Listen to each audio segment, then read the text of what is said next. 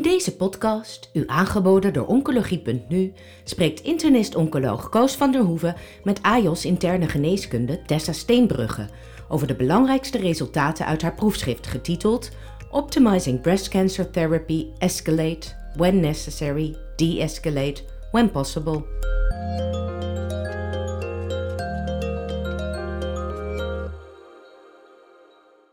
Optimizing Breast Cancer Therapy. Dat is de ambitieuze titel van een proefschrift dat Tessa Steenbrugge op korte termijn gaat verdedigen. En daarover ga ik met haar praten. Welkom Tessa. Dankjewel, Koos. Heel leuk. Tessa, je zit ook in de redactiecommissie van Oncologie Up to Date. En je kwam eigenlijk zelf met het voorstel, misschien is het wel leuk om mensen die gaan promoveren, om daar een korte podcast van te maken. Om dat later nog eens met mensen te kunnen delen. En de redactie vond het een goed idee. En jij bent de eerste om dat eigenlijk uit te proberen. Dus uh, een experiment, maar een interessant experiment. Uh, wanneer ben je met je promotietraject begonnen? In oktober 2015 al. Oké, okay, dus je bent er lang mee bezig geweest. En, Zeker. Uh, hoe, hoe ben je nou zo ver gekomen? Was dat nou een vooropgezet plan of, of kwam het gewoon op je pad? Um, nou, tijdens mijn studie geneeskunde was ik al geïnteresseerd geraakt in de oncologie. Uh, vond het een heel interessant ziektebeeld en steeds meer behandelingen mogelijk. En toen maakte ik ook kennis met het onderzoek doen, dus dat wilde ik wel graag. Uh, toen deed ik uh, voorafgaand aan mijn promotietraject mijn semi-artstage in het Antonie Leeuwenhoek. En had ik dat tegen wat mensen gezegd en met verschillende artsen gesproken over de mogelijkheid voor een promotietraject.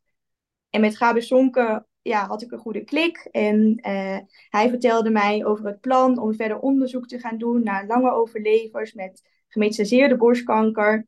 En specifiek de patiënten met uh, beperkt gemetastaseerde ziekte, de oligometastase. En ja, dat sprak mij heel erg aan. En daarnaast was er ook nog veel ruimte. Eigenlijk lag nog niet alles vast wat mij juist de ruimte gaf om het ook zelf nog in te vullen. En dat vond ik ook heel erg leuk. En ja, toen zijn we zo uh, tot een promotietraject gekomen. Want je noemde je promotor al een klein beetje. Professor Gabe Sonke, die is internist-oncoloog. Dr. Ja, Hugo Horlings, die is patholoog. Klopt. En Laura van het Veer, uh, de, de, meestal werken samen in, uh, in Amerika, maar heel erg bekend van het borstkankeronderzoek, van de Mama Print. Dus die zijn allemaal bij je onderzoek betrokken geweest. En, ja, ja klopt je proefschrift is heel erg lang, 348 pagina's. Volgens mij is dat uh, wel een heel lang, sta je wel in de top 10 van de lengte van de proefschriften, maar het was ook heel erg uitgebreid. En het feit dat je bij een patholoog gewerkt hebt en bij een internist-oncoloog, uh, betekent dat je ook wel erg de diepte ingegaan bent. Dat onderzoek wat je gedaan hebt, kon je daar nou fulltime aan werken of had je ook andere activiteiten daarnaast? Nee, ik kon fulltime werken aan mijn onderzoek. Dat was ook enorm luxe om dat te kunnen doen. Uh, ik moet wel eerlijk zeggen, ik heb ook gewerkt aan projecten die uiteindelijk niet tot een uh, hoofdstuk in het proefschrift hebben geleid. En uh, dat was wel allemaal ook heel leuk en leerzaam. achteraf of aan toekomstige en huidige promovendi zou ik wel adviseren om daar misschien iets selectiever in te zijn. Ja, ja, want je hebt wel heel erg veel gedaan. Nou, optimizing breast cancer treatment. Wat bedoel je daar nou eigenlijk precies mee? Ja, ja optimizing is een uh, breed woord, een breed begrip. Uh, maar dat is ook precies wat ik bedoelde. En we hebben uh, veel stukken gepubliceerd en we hebben ook gekeken naar allerlei verschillende vormen van optimizing van het optimaliseren van de behandeling. En in uh, de vroege borstkanker is dat met name gefocust op het deescaleren van de behandeling. Ja. Dus kunnen we met minder behandeling dezelfde resultaten behalen. En hebben patiënten dan uh, minder mobiliteit en betere kwaliteit van leven. Dat is wat we dan hopen natuurlijk. Uh, voor patiënten met oligogemetastaseerde ziekte is dat meer het selecteren van de juiste patiënten. Wie ga je wel zo'n intensiever traject aandoen en welke patiënten ja, maken minder kans om daar ook daadwerkelijk baat bij te hebben en wil je dat liever besparen. En dan hebben we ook nog gekeken naar uh, de trastuzumab voor patiënten met een HER2-positief gemetastaseerd uh, borstkanker. En uh, nou, daar hebben we vrij uitgebreid naar gekeken van wat doen we met die trastuzumab op de lange termijn. En uh, kunnen we ook aanbevelingen doen hoe je omgaat met de bijwerkingen. in patiënten die dat voor lange tijd gebruiken. Dus, nou, ik ga, er, ik ga er toch een paar dingetjes uitpikken. Ja. Ehm, je zegt ook de-escaleren, dus proberen om patiënten die geen behandeling nodig hebben, ook te zorgen dat ze dat niet krijgen. Dat speelt vooral bij patiënten die geopereerd zijn voor borstkanker. En moet je ze dan nog een adjuvant, een preventieve behandeling geven of niet? En daar heb je één groep uitgenomen. Dat het zijn de patiënten met een triple negatief mammacarcinoom, die maar een mhm. hele kleine tumor hebben. En ja, dan is altijd weer de vraag. De patiënten zeggen vaak van nou, in, uh, heb ik heel vroeg, ben ik er heel vroeg bij. En dan moet ik toch een heleboel behandelingen hebben. Dus is het nou zo dat bij die patiënten met een triple negatief, klein mammacarcinoom, die geopereerd zijn, dat je daar bij patiënten af kan zien van behandeling met, met chemotherapie? Um, daar hebben we inderdaad naar gekeken. En dat was ook omdat de triple-negatieve tumoren geassocieerd zijn met een nou ja, snellere groei. En dat daar wat meer discussie ontstond over of je er dan wel van af kan zien. Ja. En onze richtlijn is daar niet heel duidelijk in. Ook de internationale richtlijnen zijn daar niet duidelijk in. Um, ja, dat was eigenlijk de aanleiding om daar met data van het IKNL naar te gaan kijken. Want nou ja, die hadden wij uh, tot onze beschikking. Ja. Um, dat klonk nog iets makkelijker dan het uiteindelijk was. Uh, maar wat wij zagen is uh, dat bij de patiënten, want de kleine tumoren zonder uh, uitzaaiingen in de lymfeklieren, moet ik daar dan wel bij zeggen, dat is wel heel erg belangrijk. Um, dat bij de, daar maken we nog onderscheid in drie groepen, afhankelijk van de grootte. En de tumoren groter dan 1 centimeter noemen we T1C's die hebben nog wel baat bij een behandeling met chemotherapie. Voor zover we konden zien, uh, de tumoren die kleiner zijn, daar lijkt de chemotherapie niks toe te voegen. Dus voor die patiënten zouden wij willen adviseren om de chemotherapie achterwege te laten. En dan kunnen hopelijk um, in de toekomst nou ja, meer informatie die wij nu ook niet tot onze beschikking hadden uit de IKNL-dataset, zoals bijvoorbeeld de tumor-infiltrerende lymfocyten, misschien nog iets meer zeggen over de responskans of de prognose. En uh, meewegen in de behandeling die je uiteindelijk wel of niet kiest. Nog even heel precies. Je zegt voor die patiënten die een triple negatief mammacarcinoom hebben, met een grootte van 1 tot 2 centimeter, zonder kliermetastase, die zouden eigenlijk, als de leeftijd en comorbiditeit het toestaat, in aanmerking komen voor adjuvante chemotherapie. Is dat correct? Ja, dat is waar wij zien dat er een betere borstkankerspecifieke overleving is als de patiënten de behandeling adjuvant hebben gekregen. En hoeveel patiënten krijgen die behandeling dan uiteindelijk? Ja, wat we gezien hebben uh, in de data van het IKNL was dat best wel goed verdeeld in Nederland. En kreeg ongeveer de helft van de patiënten die behandeling wel en de helft van de patiënten kreeg die behandeling niet. Wat aanvankelijk leek uh, alsof we daar de analyses goed op konden doen.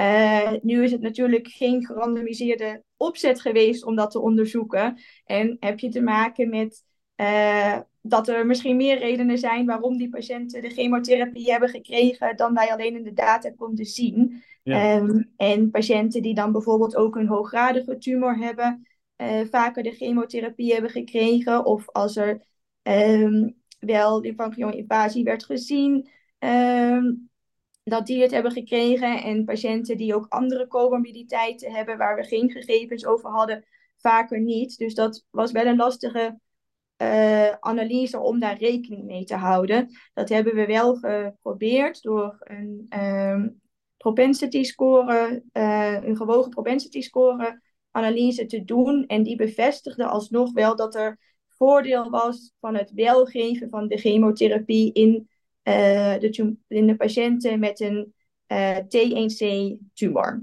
Dus in die groepen patiënten moet het in ieder geval overwogen worden. Maar er is misschien nog wel enige nuancering in het onderzoek noodzakelijk om te kijken hoe het nou is met de degradering van die patiënten. En misschien nog andere componenten rondom de tumor.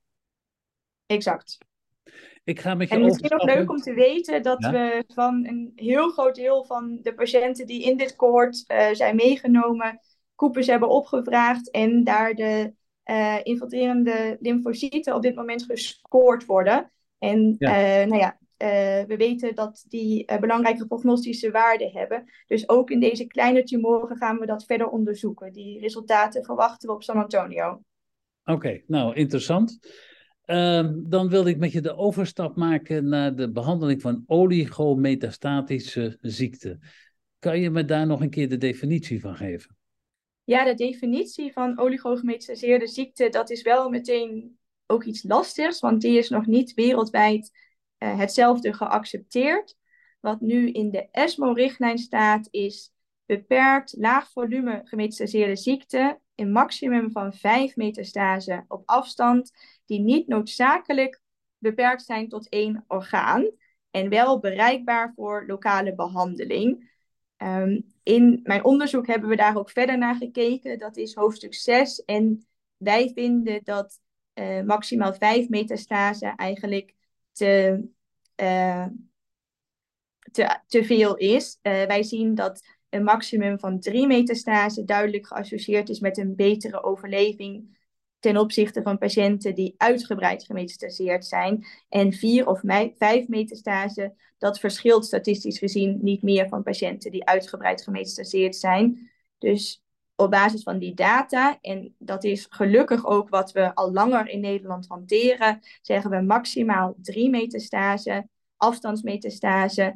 Um, die niet noodzakelijk in één orgaan zitten. Uit andere studies en ook uit studies die we zelf hebben gedaan, zien we wel dat als die beperkt zijn tot één orgaan, dat dat geassocieerd is met ook nog een betere overleving. Um, nou, nou is de conclusie van, van je, het hoofdstuk uit je proefschrift dat, uh, dat je deze patiënten wel een intensieve lokale behandeling moet geven. Klopt dat? uit, um, dit hebben we ook onderzocht met data van het IKNL.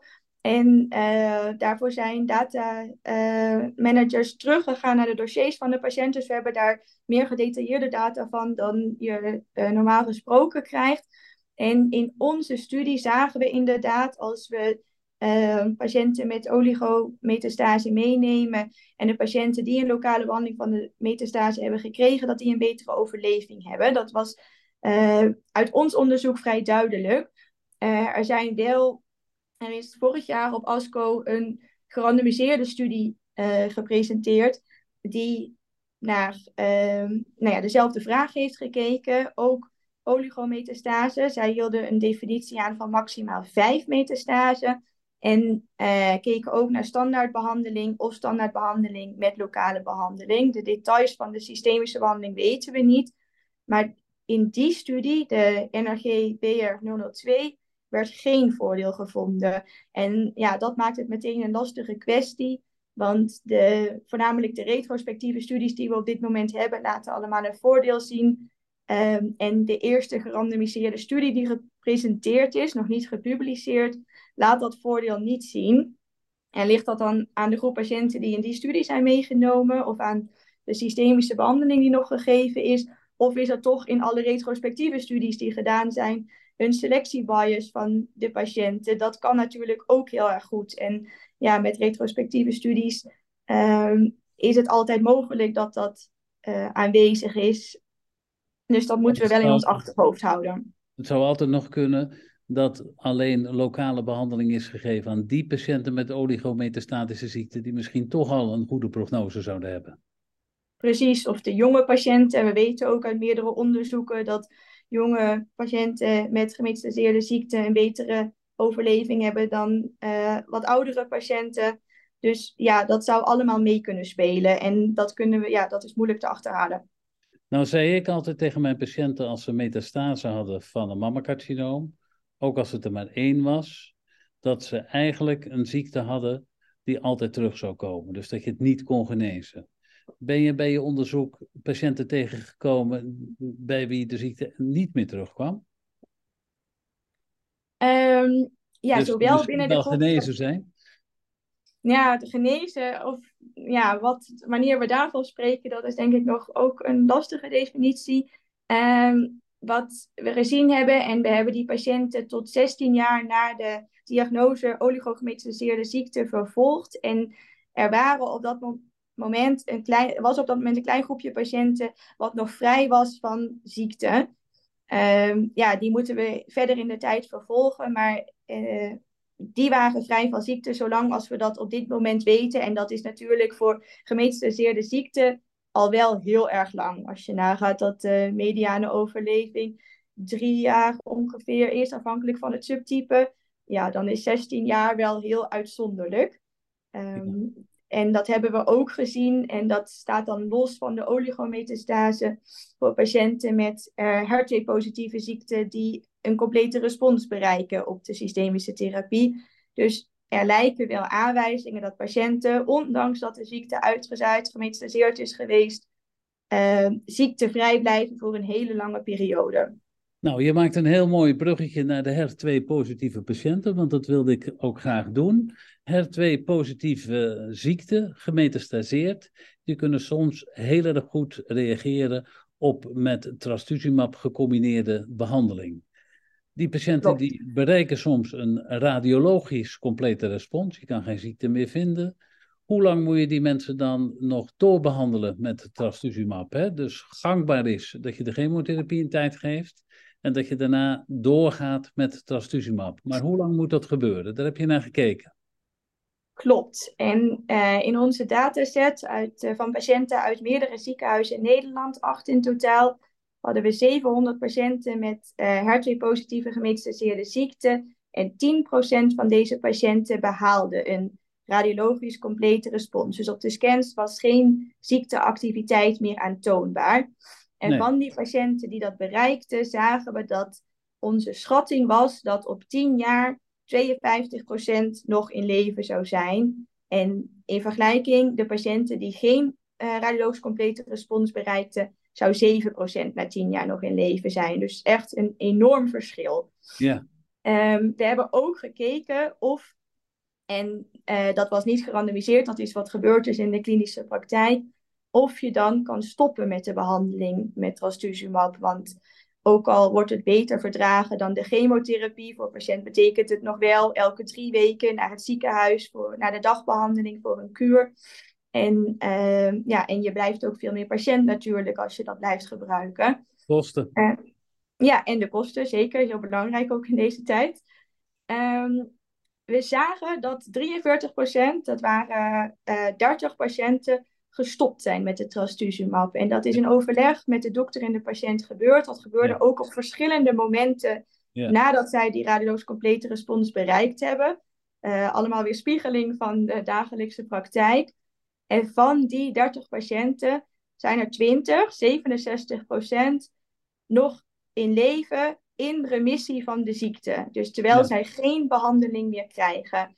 Ja, dat zijn wel veelbelovende resultaten. En um, ik denk dat het laat zien dat het mogelijk is. We hebben die patiënten nadat ze gestopt zijn nog 78 maanden vervolgd. Dus al wel een behoorlijke tijd. Ik denk wel dat we ze ook nog langer moeten vervolgen.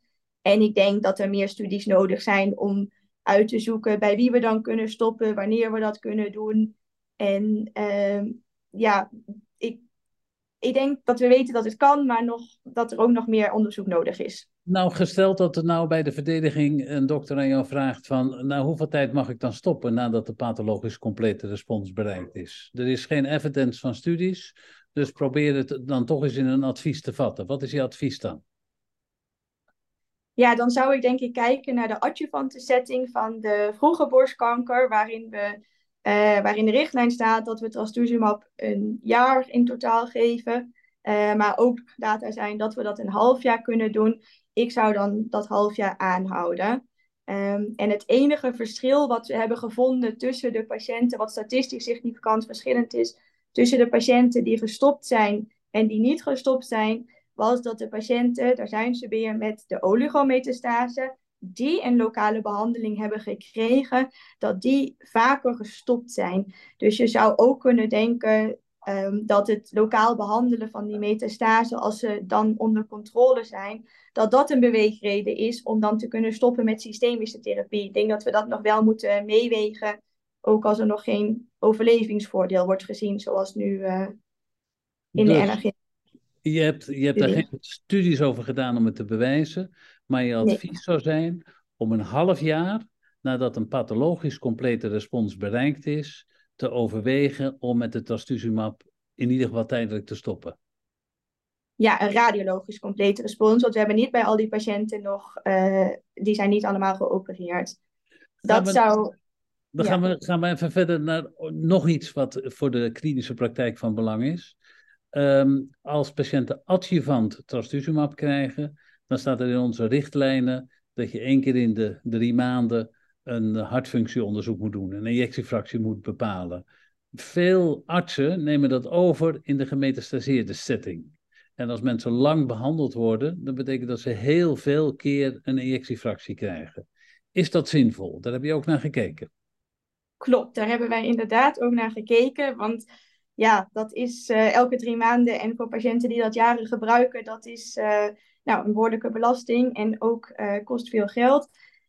wat wij eigenlijk zagen is dat de incidentie van, of het optreden van een vermindering van de linkerventricule ejectiefunctie niet hoog was. En dat die het hoogste was in de eerste twee jaar na het starten van de trastuzumab. Dus dan heeft dat het meeste effect.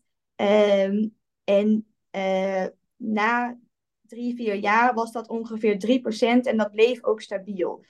Dus ik denk dat als uh, je die metingen gedaan hebt, met name in uh, de eerste drie jaar, en je niet ziet dat de linkerventrikel ejectiefractie daalt, dat je, die, dat je daarmee kan stoppen om dat routinematig te doen. Als de patiënt klachten krijgt, is het natuurlijk een ander verhaal. Dan moet je dat wel meteen doen. Maar je maakt in je, in je proefschrift maak je onderscheid tussen die patiënten die wel een cardiale voorgeschiedenis hebben en patiënten die het niet hebben. Dus die bij uitgang een goede ejectiefractie hebben.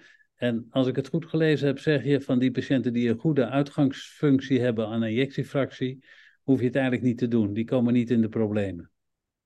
Nee, patiënten die inderdaad geen, niet bekend zijn met uh, hartklachten, patiënten die niet roken, dat was ook heel erg belangrijk. En als we het hebben over de gemetastaseerde setting, dan hebben bijna alle patiënten uh, die we nu behandelen al in uh, de neoadjuvante of in de adjuvante setting trastuzumab gehad. En dan weten we eigenlijk ook al of patiënten op dat moment klachten hebben ontwikkeld. Als we dat niet gezien hebben, dan is dat ook een belangrijke voorspeller dat ze ook niet tijdens de behandeling in de gemetastaseerde setting klachten zullen ontwikkelen. Dus je durft de stelling aan dat bij die patiënten het doen van injectiefracties routinematig, dat je dat achterwege kan laten? Ja, als je wel hebt gezien dat het in het begin stabiel blijft.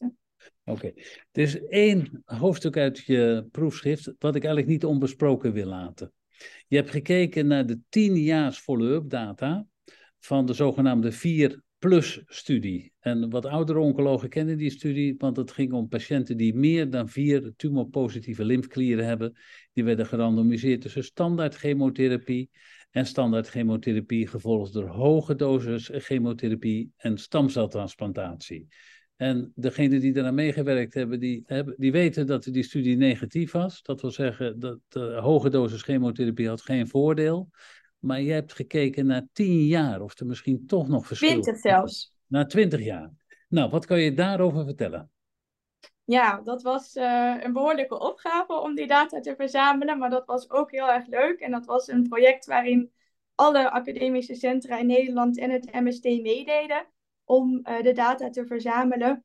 En uh, de onderzoeksvraag die wij hadden was eigenlijk tweeledig. We wilden en kijken wat is de effectiviteit van de hoge dosis chemotherapie na 20 jaar. Um, is er dan wel een groep die we zien dat daar toch baat van heeft gehad?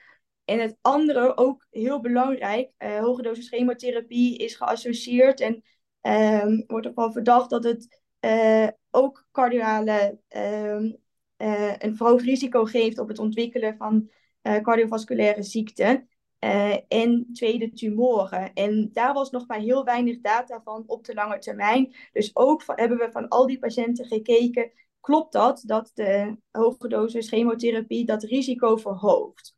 Nou, om te beginnen bij de effectiviteit. ook na 20 jaar zagen wij dat de hoge dosis chemotherapie in de gehele populatie die meedeed aan de N4-studie, dat waren 885 patiënten, niet zorgde voor een betere overall survival, niet voor een betere event-free survival en niet borstkanker specifiek. Dan moeten we wel de kanttekening maken dat de studie eh, was opgezet in 1998.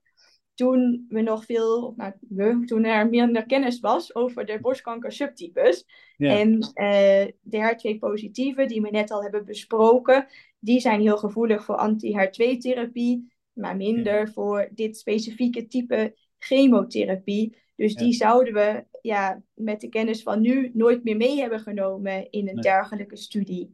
Dus wij hebben ook naar een subgroep gekeken. En uh, dat zijn de patiënten met triple-negatieve borstkanker. En die zouden uh, gezien ook gevoelig zijn voor uh, dit, dit type chemotherapie. Ja. En dat was een kleine groep. maar we zagen daarin wel dat op 20 jaar de overleving uh, van patiënten die de hoge dosis chemotherapie kregen, 15% beter was dan patiënten die de gewone dosis kregen. En ja, dat is natuurlijk op zo'n lange termijn wel een uh, ontzettend groot verschil. Door uh, de kleine groep was dat net niet statistisch gezien significant, maar ik denk alsnog wel relevant. Ja, nou, daar zouden we nog heel diep op in kunnen gaan. Maar we hebben al een heleboel dingen besproken. Op, op welk deel van je proefschrift ben je nou het meest trots? Um, ja, ik ben denk ik niet op één deel van mijn proefschrift het meest trots. Ik ben het meest trots dat ik de kans heb gekregen en uh, daar hard aan heb kunnen werken. Dat ik zowel epidemiologisch, klinisch als translationeel onderzoek heb kunnen doen. Uh, echt ook de diepte van die tumoren en dat translationele onderzoek, dat heb ik gedaan aan de Universiteit van California in San Francisco. Ja. Uh, onder begeleiding van Laura van het Veer. En ja. Uh, ja. dat had ik zelf georganiseerd en uh, beurzen voor aangevraagd en gekregen. Ja, dat um, is wel een beetje de kers op de taart. Ja, ja. Zijn er nou nog dingen die, die waarvan je achteraf zegt dat dat beter gekund? Um, nou, wat ik zei, dat ik voor mijzelf misschien wel selectiever zou zijn in um, in de projecten waar ik aan heb gewerkt om meer uh, te focussen. En uh, dat transactionele onderzoek wat we gedaan hebben, dat, daarin hebben we materiaal verzameld van patiënten die ook in het hele land behandeld zijn voor borstkanker. Dus dat tumormateriaal moest ook uit het hele land komen. Dat heeft wel onwijs veel tijd gekost. Dus ik denk dat ik daar uh, nu eerder aan zou beginnen, zodat dat allemaal iets gestroomlijnder zou lopen. En is het nu klaar? Um, nou, ik denk dat we al belangrijke punten hebben besproken die verder onderzocht moeten worden. Zeker de optimale behandeling voor patiënten met oligogemetastaseerde ziekte ja. moet nog verder onderzocht worden. De Taormina daar, daar, daar, gaan we op een ander moment wel over praten. Maar is het, oh. voor, is het voor, jullie, voor jou nu klaar? Mijn proefschrift is klaar. De stukken die daarin staan en uh, ik heb in het laatste deel van mijn promotietraject een uh, nieuw studieprotocol geschreven voor patiënten met oligoprogressie van gemetastaseerde borstkanker. Um, die studie is nu open en wordt binnenkort geopend in meer ziekenhuizen. En samen, of gedeeltelijk begeleid ik de promovendus die op die studie zit. En daar blijf ik wel bij betrokken. Dus het zijn nieuwe projecten. En wat ga je nu verder doen? Ik ben in opleiding tot internist in het Antonius ziekenhuis in Nieuwegein. En word je dan internist-oncoloog? Dat is wel mijn ambitie. Heb je nog een boodschap voor de toekomstige promovendi? Um, nou, ik denk het allerbelangrijkste, kies iets waar je oprecht in geïnteresseerd bent en uh, een promotor met wie je goed overweg kan. Dat, uh, dat maakt je promotietraject het leukste. Ja, nou, het was geen proefpromotie, maar we hebben toch een heel aantal dingen besproken. En met de wijze waarop je de antwoord geeft, dat geeft me veel vertrouwen in dat het met de echte verdediging binnenkort ook wel uh, goed zal komen. En ik wil jou bij deze, ik hoop dat het goed afloopt, maar misschien dat de meeste mensen het pas luisteren nadat je gepromoveerd bent. Maar ik wil graag jou en je promotieteam heel erg uh, feliciteren met een prachtig uh, proefschrift. Dankjewel. Dankjewel, Koos. Gaat u zelf uw proefschrift binnenkort verdedigen en vindt u het leuk om een podcast op te nemen? Laat het ons weten via info.uitgeverij-jaap.nl